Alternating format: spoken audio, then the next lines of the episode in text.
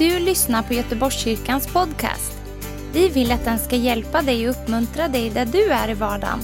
Vill du veta mer om oss så gå in på www.goteborgskyrkan.se.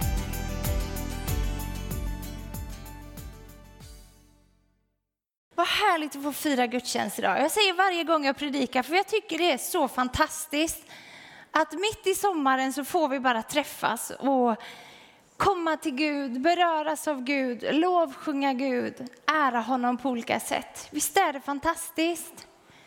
Det är liksom, jag hoppas vi aldrig tappar den här glädjen över att bara få komma till Gud. Det är så starkt. Varje morgon så vaknar jag oftast väldigt full av energi, 10 000 tankar i huvudet och alla de vill jag genomföra helst på en gång. Medan Boris är lite, inte riktigt så snabb i starten. Kaffe, sitta och läsa Bibeln en stund. Vi är olika helt enkelt. Eh, men vad mycket det är som, så fort vi slår upp våra ögon, så mycket som bara mot vårt sinne. Eh, och om man då tänker, hur ska man bevara sitt sinne i en tid där vi till och med vaknar med så mycket påtryckningar? Där vi vaknar med att saker och ting bara kommer till hjärnan. Vi kan liksom inte alltid eh, eh, hjälpa vilka tankar som kommer, men vi kan liksom, Guds ord säger att vi kan styra våra tankar. Vi kan välja vilka tankar vi tar emot eller inte. Men jag tänker på ett folk som Jesus predikade för. Ni vet när han hade predikat för de här 5000 män och kvinnor och barn plus det. Så när han har gjort det, då drar han sig undan. Trots att de hade sett så mycket mirakler, de hade sett grejer och hade hört honom predika. De säger vi gör honom till en profet, vi gör honom till en kung. Med våld till och med. Och så börjar de jaga efter honom. Så ni vet, han flyr över sjön på en walkover, möter lärjungarna på sjön och, de, och ser att det är Jesus. Men han fortsätter att gå och möter dem där. Så han säger, han kommer ikapp efter dem. Det är rätt häftigt, jag tycker Jesus är så skön. Han kommer liksom gående på sjön. Folket jagar honom. Han skickar iväg och räddar lärjungarna. Själv så vinner han på walkover. eh, men de här folket då, de är ju lite intressanta för vi läser ju ofta den här bibelberättelsen över miraklet som Gud gör.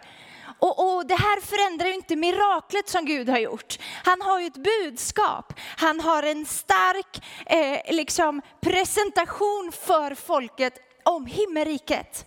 Att få ta emot och han sitter ner och delar evangeliet. Men ändå så är det som att folket, en del fattar inte riktigt de tar det lite som att, åh, han bär på det här, vi gör honom till en profet, vi gör honom till en kung. Men det är inte det Jesus vill, att det är den grejen de ska få tag i. De vill att, de ska få, att han vill att de ska få tag i budskapet och förändras i sina hjärtan. Så när de kommer fram då folket till Jesus, det är lite roligt för har någon någon gång varit lite starstruck?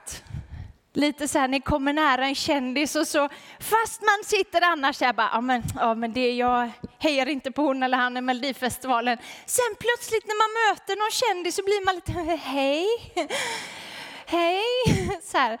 I helgen så plötsligt hamnade jag och dottern längst fram framför scenen för Anna Bergendahl som har varit med i Melodifestivalen. Och någonting hände liksom. Hon finns på riktigt.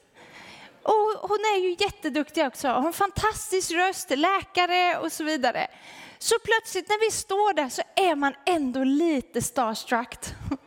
Det är liksom inte främst alla orden jag lyssnar på och dottern hon var lite pirrig sådär och, och plötsligt så vinkar hon, Anna, till min dotter.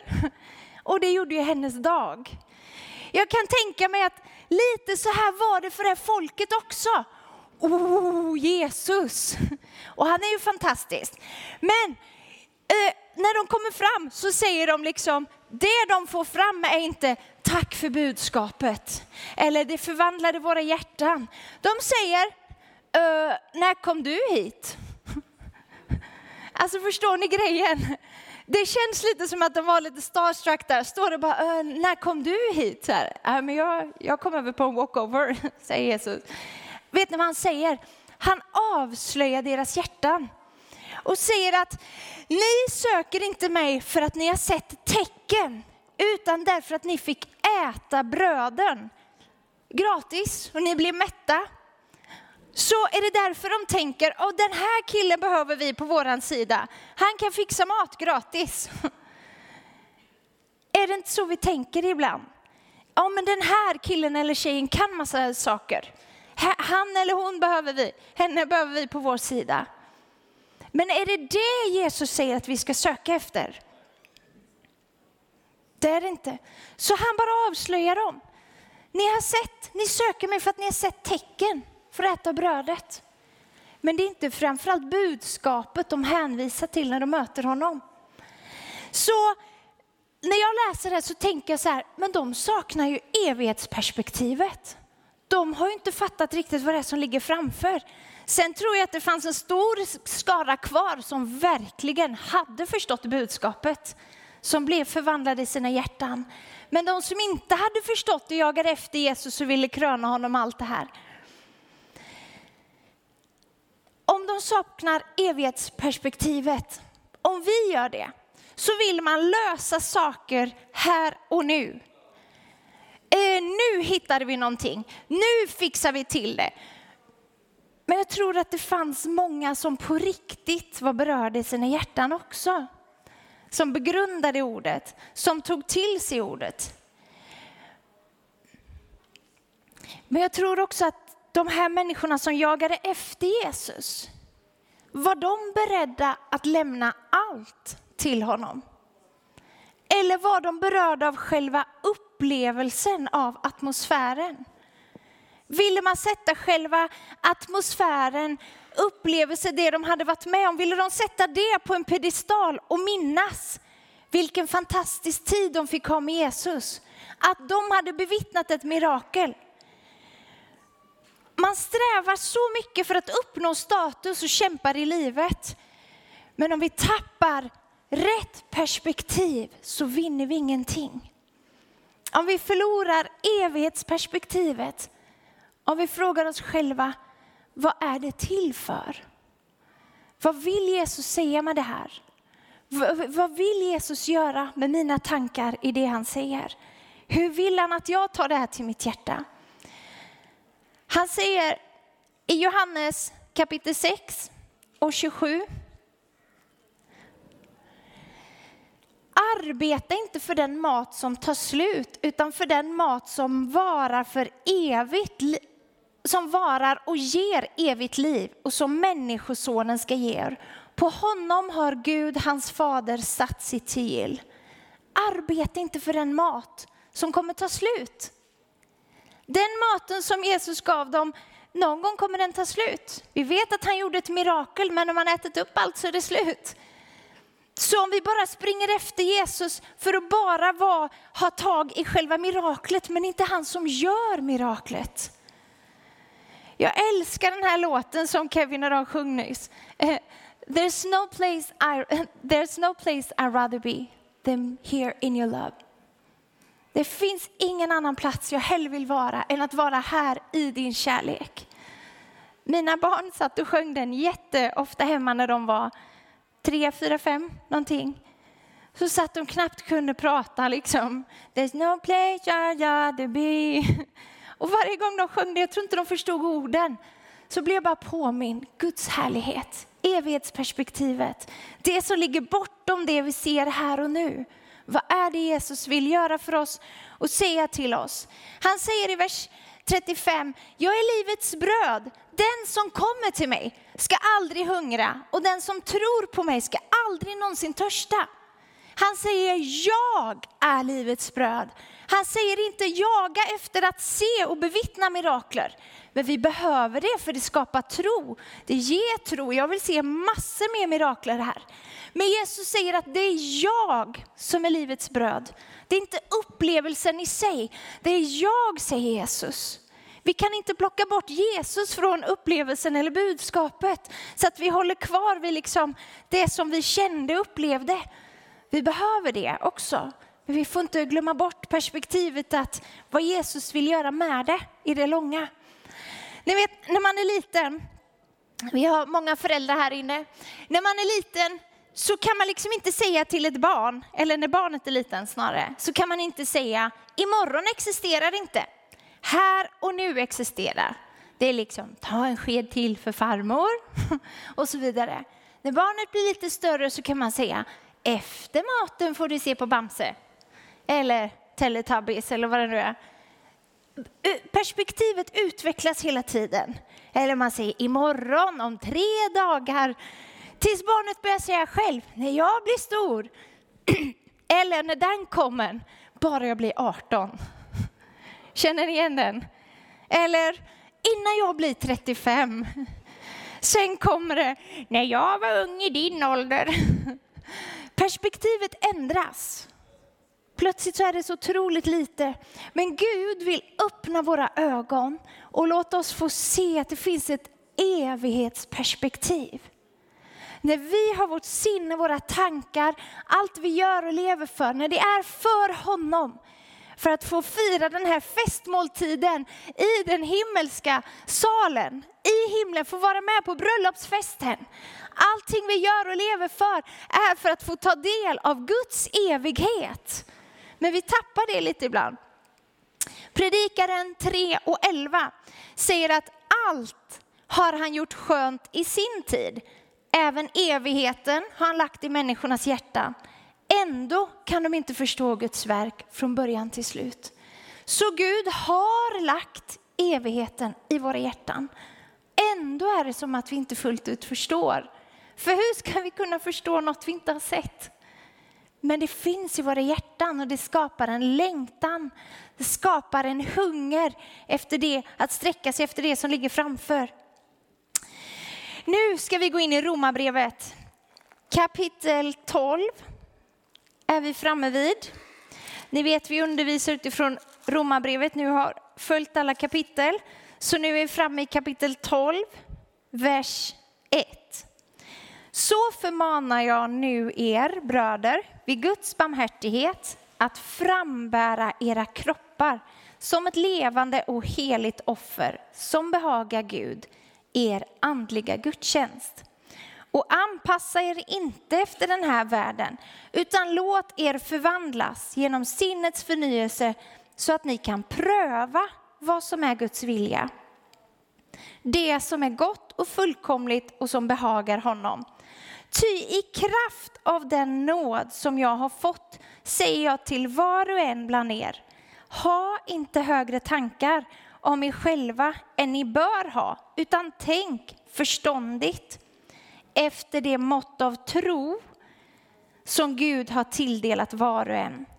Ty liksom vi i en kropp har många lemmar och alla lemmar inte har samma uppgift, så är vi som så många en kropp i Kristus. Men var för sig är vi varandras lemmar. Grunden för att leva ett överlåtet liv, kristet liv, det är att överlåta sig själv. Det börjar med frälsningen. Paulus uppmanar här till ett livslångt offer till Gud. Det är inte bara en happening, bara det kittlade till lite. Jag tror att jag upplevde lite vem Gud var, men sen så rann det ut i sanden. Det kanske sitter någon här som känner att det var länge sedan jag verkligen kände Gud. Eller kände att han rörde vid mitt hjärta. Vet du, Gud, Gud vill komma till oss varje dag. Gud vill alltid hjälpa oss när det är svårt att överlåta oss själva i varje situation, i varje livsfas. Om vi får ett evighetsperspektiv, om vi då tänker att vi har varit frälsta i 20 år, men sista fem åren har varit en riktig utmaning. Vi kanske har tappat tron på Gud, kanske tappat tron på att han vill göra någonting i min situation. Bitterhet kanske har kommit in, sorg, smärta. Saker som fienden faktiskt vill använda för att få oss att sänka blicken från Jesus. Jesus har inte sagt att allt kommer vara lätt bara vi tar emot honom i våra hjärtan. Men han har sagt att det finns alltid en väg. Ditt ord är mina fötters lykta, ett ljus på min väg. Jesus vill vara vårt ljus när vi vandrar i mörker, när vi går igenom de här faserna. Det handlar inte om att bara springa liksom i livet och vilja ha Jesus på sina villkor. Jesus säger, du får allt av mig. Jag önskar att få allt tillbaka av dig. När vi låter oss planteras i Gud så ger han tillväxten i våra liv. Jag tänker så ofta på det här, eh, vi ska läsa det här Johannes kapitel 12, 24 till 26 står det. Jag säger er sanningen, om inte vetekornet faller till jorden och dör så förblir det ett ensamt korn. Men om det dör och faller ner, vad händer då? Då bär det rik frukt. Så om vi ser oss själva som vetekornet som behöver liksom plantera oss i Gud, dö bort från oss själva och säga Jesus, jag lämnar allt till dig. Så kommer vi få se hur det växer upp. Hur någonting liksom blomstrar. Ni vet när man sår ett frö i landet så kommer det mycket ur det. Om man, om man kollar liksom på själva ytan på det här lilla, lilla fröet. Vi tror att jag har bara det här lilla. Jag vågar inte offra det lilla jag har. Men Gud är alltid trofast, så när vi lägger ner det här lilla, lilla vi har, så vill Gud alltid komma och låta våra liv blomstra. Jag pratar inte om massa framgång och pengar och allt det här. Jag pratar om våra hjärtan. För Gud har sagt att han är vår försörjare. Han vill alltid ge oss vad vårt hjärta behöver. Så någonting som händer det är när vi går igenom och misslyckas på olika sätt. Misslyckande vill gärna få oss att stelna till lite i vårt kristna liv. Och vi vill gärna lägga skuld på någon eller något. En situation men kanske allra helst en person. Det är så lätt att vi stelnar till när någonting händer, vi kanske själva har misslyckats. Och istället för att gå till Gud så kanske vi väljer att vända oss bort från Gud. Men vet du, Guds famn är alltid öppen. Han bara står och väntar på att du ska komma till honom. Att du ska öppna ditt hjärta och säga Gud, jag har misslyckats men det jag har, det lilla frö jag har, kommer jag ge till dig. Jag vill plantera det i dig för att se någonting växa upp och blomstra. Våra liv kan bara få blomstra i Gud. Det som blev liksom ett feltramp igår, det kan bli din lycka och triumf imorgon. Du vet för att Gud tar alla våra misslyckanden, alla fel och brister som vi har gjort, det använder han till vår erfarenhet som en triumf i fiendens ansikte. Yes! Visst är det bra? Tack att trots att vi har misslyckats så vill Jesus bara ge oss eh, triumfera. Om vi har ett berg av misslyckande får vi ställa oss på berget och komma högre upp närmare Jesus och säga tack Jesus att du tar emot mig med mina brister, med mina svagheter, med mina fel, allt som jag har. Ger jag till dig Jesus. Men vet du vad? Den största beslutande faktorn i våra liv är viljan. Vi kan inte köra över vår egen vilja. Det står att Gud verkar i vår vilja och gärning. Han hjälper oss att vilja rätt saker. Men ibland är vi bra tjurskalliga. Är det någon mer än jag som är det? Det var någon mer här, vad härligt. Jag kände mig lite ensam här när jag gick upp i början. Men nu känns det bättre alla val blir så otroligt mycket lättare om vi vet vart vi är på väg. Om vi vet vilket perspektiv vi har. Om vi inte har bestämt oss vart vi är på väg så fortsätter kriget i våra hjärtan. Kriget kommer pågå för att vi inte har bestämt oss. Det är en kamp. Ska jag, ska jag inte, ska jag, ska jag inte. Men viljan, om vi säger Gud, jag vet inte hur jag ska göra, men jag vill följa dig. Jag vet inte vad det kommer kosta, men jag vill följa dig. Jag vet inte vad, hur mitt liv kommer se ut, men jag vill följa dig. Jesus, ge mig det jag behöver. Jag vill hålla fast vid dig för att följa dig. Och jag minns att när jag var 18 och gick bibelskola och började läsa Bibeln på ett nytt sätt så öppnades en helt ny värld för mig. Guds ord. Jag kunde inte fatta, jag hade läst Bibeln mycket innan, men som ett barn, med ett barns perspektiv. När jag läser Bibeln i vuxen ålder så ändras mitt sinne, mitt perspektiv. Jag kan ta till mig Guds ord på ett helt annat sätt i vuxen ålder. Och jag läste kristna undervisningsböcker och jag, jag bodde i en kyrka på den tiden så på nätterna så gick jag ner och la mig raklång på scenen med ansiktet ner mot golvet.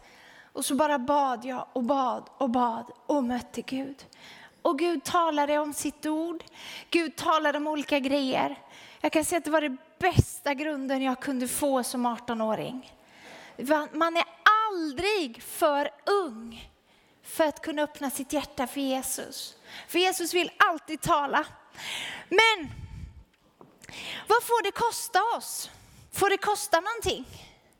Får det kosta oss någonting att överlåta oss till Gud? Vi vill helst ha allt, men inte betala för det.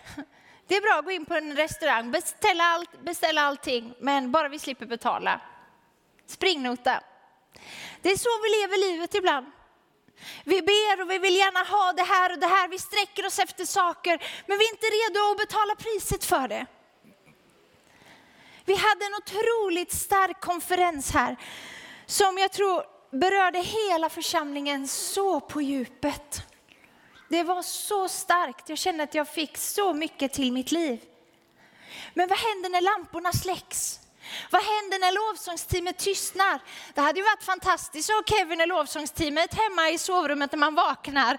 Boris sitter och läser Bibeln, lite mjuk röst sådär och någon kommer med kaffe. Jag klappar så åker rullgardinen upp lite långsamt och så vaknar man. It's a beautiful morning. Är det någon mer som tycker det hade varit rätt gött att ha det så? Men du vet, livet är ju inte så. Eller hur Lia? Då vaknar man, mamma, jag vill ha mat. Eller vad det kan vara. Verkligheten kommer på oss rätt så snabbt.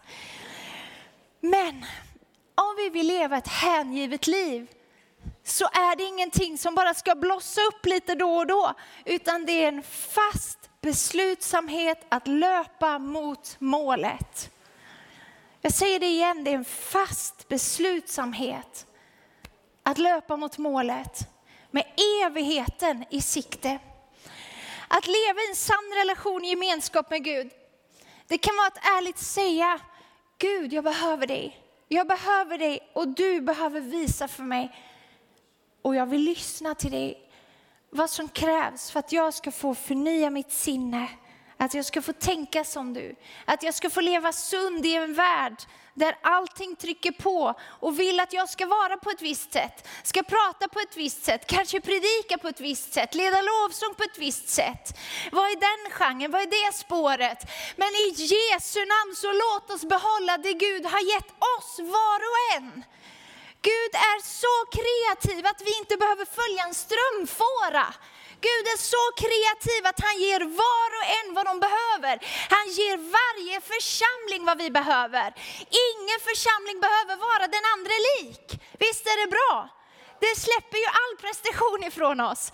Om vi ser grannen stå och tillbe jättehängivet, så vi behöver inte tillbe på samma sätt. Vi får bara vara oss själva. Tack Jesus. Vi tror ibland att bara vi säger ja till Jesus så blir allting bra. Det är inte det som är grejen. Bara jag går på gudstjänst på söndagarna, bara jag följer alla de här tio reglerna så blir allting bra. Är det att leva ett kristet liv? Vad var det vi läste? Frambär era kroppar som ett heligt och levande offer. Det är varje dag att frambära sig själv. Det står också att anpassa er inte efter den här världen och tidsåldern. Vad betyder det egentligen? Det finns ju så otroligt mycket att säga, men jag ska inte säga massor mer. Men framför allt så handlar det om att offra sig själv, sin vilja Att ge upp sitt eget. Att inte anpassa sig utan anpassa sig till Gud. Att låta vetekornet falla till jord och dö. Att vi låter vår vilja få komma under Guds vilja. Gud, du vet vad som är bra för mig. Gud, du vet vad jag behöver. Vi kan inte plocka upp liksom eh, bara massa obekväma sanningar för att det ska bli mer, eh, eller vi kan inte låta bli de obekväma sanningarna för att det ska bli mer lättsmält. Jag vill inte ha ett lättsmält evangelium. Jag vill ha ett evangelium som ger liv, som är kraft. Jag vill ha ett evangelium som kommer rakt från Guds hjärta. Där det inte handlar om att jag ska bara läsa, välja ut de mjuka, goa, gulliga bibelverserna som jag mår lite bra av. Lite feelgood bibelord. Det är ju härligt det också. Men jag behöver ha den fulla sanningen. Jag behöver ha den fulla sanningen för att mitt sinne ska må bra. För att jag ska vara sund och balanserad. Jag behöver spegla mig i Guds ord för att se det som står här i. Gör jag det i mitt hjärta? Det som står här i, följer jag det i mitt hjärta? Och nu står det så här att jag ska överlåta mig själv. Oh, vad betyder det? Ja, men det betyder att jag ska ge allt. Du behöver bara ge allt, säger Jesus. Ni vet när Jesus är, det är en av mina favoritställen, när jag hela tiden, när jag tappar och tycker att, åh jag orkar inte riktigt, eller jag känner inte riktigt för det. Då tänker jag på den brottningskampen som Jesus hade i ett trädgård. När han bara har bestämt hela sig själv. Men det är fortfarande tufft, det betyder inte att det var lätt för honom. När han sitter på knä och ber till Fader, han ropar säkert ut, han är desperat. Fader, om det är möjligt så låt den här bägaren gå förbi mig. Men, säger han, inte som jag vill utan som du vill. Och så tar han den och överlåter sig till döden. Han låter vetekornet falla till jorden och dö för Guds vilja. Han vet att han måste ha sitt sinne, sina tankar, sitt hjärta vänt mot Gud. Om inte ens Jesus i en sån situation bara kan slippa förbi det, varför tror vi att vi ska slippa förbi offret i våra liv? Att det ska kosta oss någonting att följa Jesus. Men vi glömmer ibland, vi, ibland så tänker vi så här, okej, okay, om jag offrar mig själv, vad är förmånerna? Vad är förmånerna? Vad får jag ut av det? Det finns ju hur mycket som helst. Du får ett evigt liv.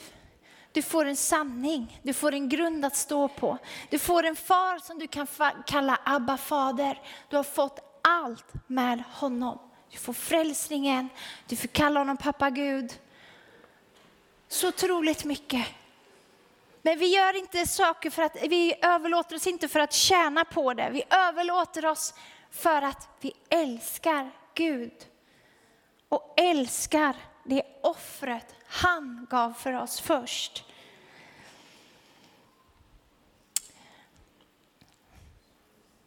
Vi ska tro Gud om saker, inte tro oss själva, inte ha höga tankar om oss själva. Vi ska tro Gud om saker och ting, inte sätta oss själva i centrum för att vi ska hamna i en sits där vi glömmer bort vad, vad Gud vill för våra liv. Utan våra tankar behöver få vara Guds tankar. Vi kan inte tro att vi ska klara av att sköta vårt liv bättre än vad Gud kan. Han är den som har skapat oss och format oss. Jag vill inte kompromissa med den kallelse som vilar över mig eller min familj eller över vår församling. Jag vill inte kompromissa med det. Jag vet inte alltid vad som är bäst, men Gud vet. Det kanske låter så ibland, men jag vet inte det. Var och en lemmar delar i kroppen. Vi är en del var. Vi behöver varandra. Vi kanske behöver varandra och hjälpa varandra också att överlåta oss, att ge mod, att ge trygghet, att ge stöd, att gråta med den som gråter, att dela smärta, dela sorg så att någon klarar av att överlåta sig. Där behöver vi varandra. Vi kallar det att leva i hans gemenskap, i hans närvaro och kraft, även i prövningen. även i prövning. Jag vet exakt var jag stod när de ringde och berättade att min mamma har fått cancer. Jag vet exakt den smärtan jag kände vid den tidpunkten. Jag var och skulle predika där uppe i Junsele. Och det kändes som att någon bara drog ner en rullgardin framför mig. Men Jesus visade sig trofast genom prövningen. Min morfar hade också cancer, men han överlevde inte. Men jag tror ändå på Gud. Jag är ändå tacksam för att morfar fick vara buren av Gud den biten, den stunden. Han blev frälst efter 50 år. Mormor bad för honom i 50 år. På grund av sjukdomen eller i den situationen så använde Gud den situationen och han sträckte sig ut mot Gud och tog emot Jesus. Och på kvällarna när han var skör och svag och låg med cellgifter så lyfte han sina händer och bad för alla oss, barn och barnbarn. Han fick kliva ut i sin tjänst några månader, något år innan han fick åka till den himmelska evigheten tillsammans med Jesus.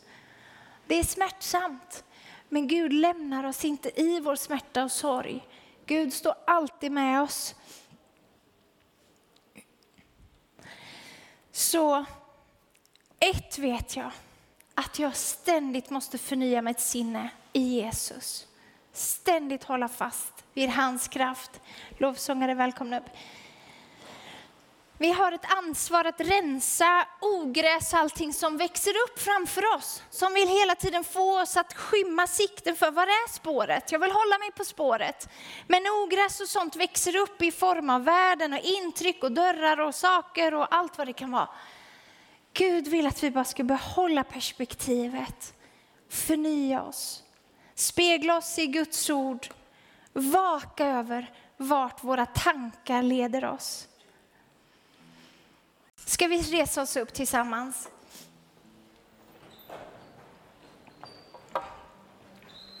Tack Jesus för att du vet vad vi behöver, Herre. Tack Jesus att vi behöver fylla på med ditt nya varje dag Herre. Tack att vi behöver förnya vårt sinne Herre.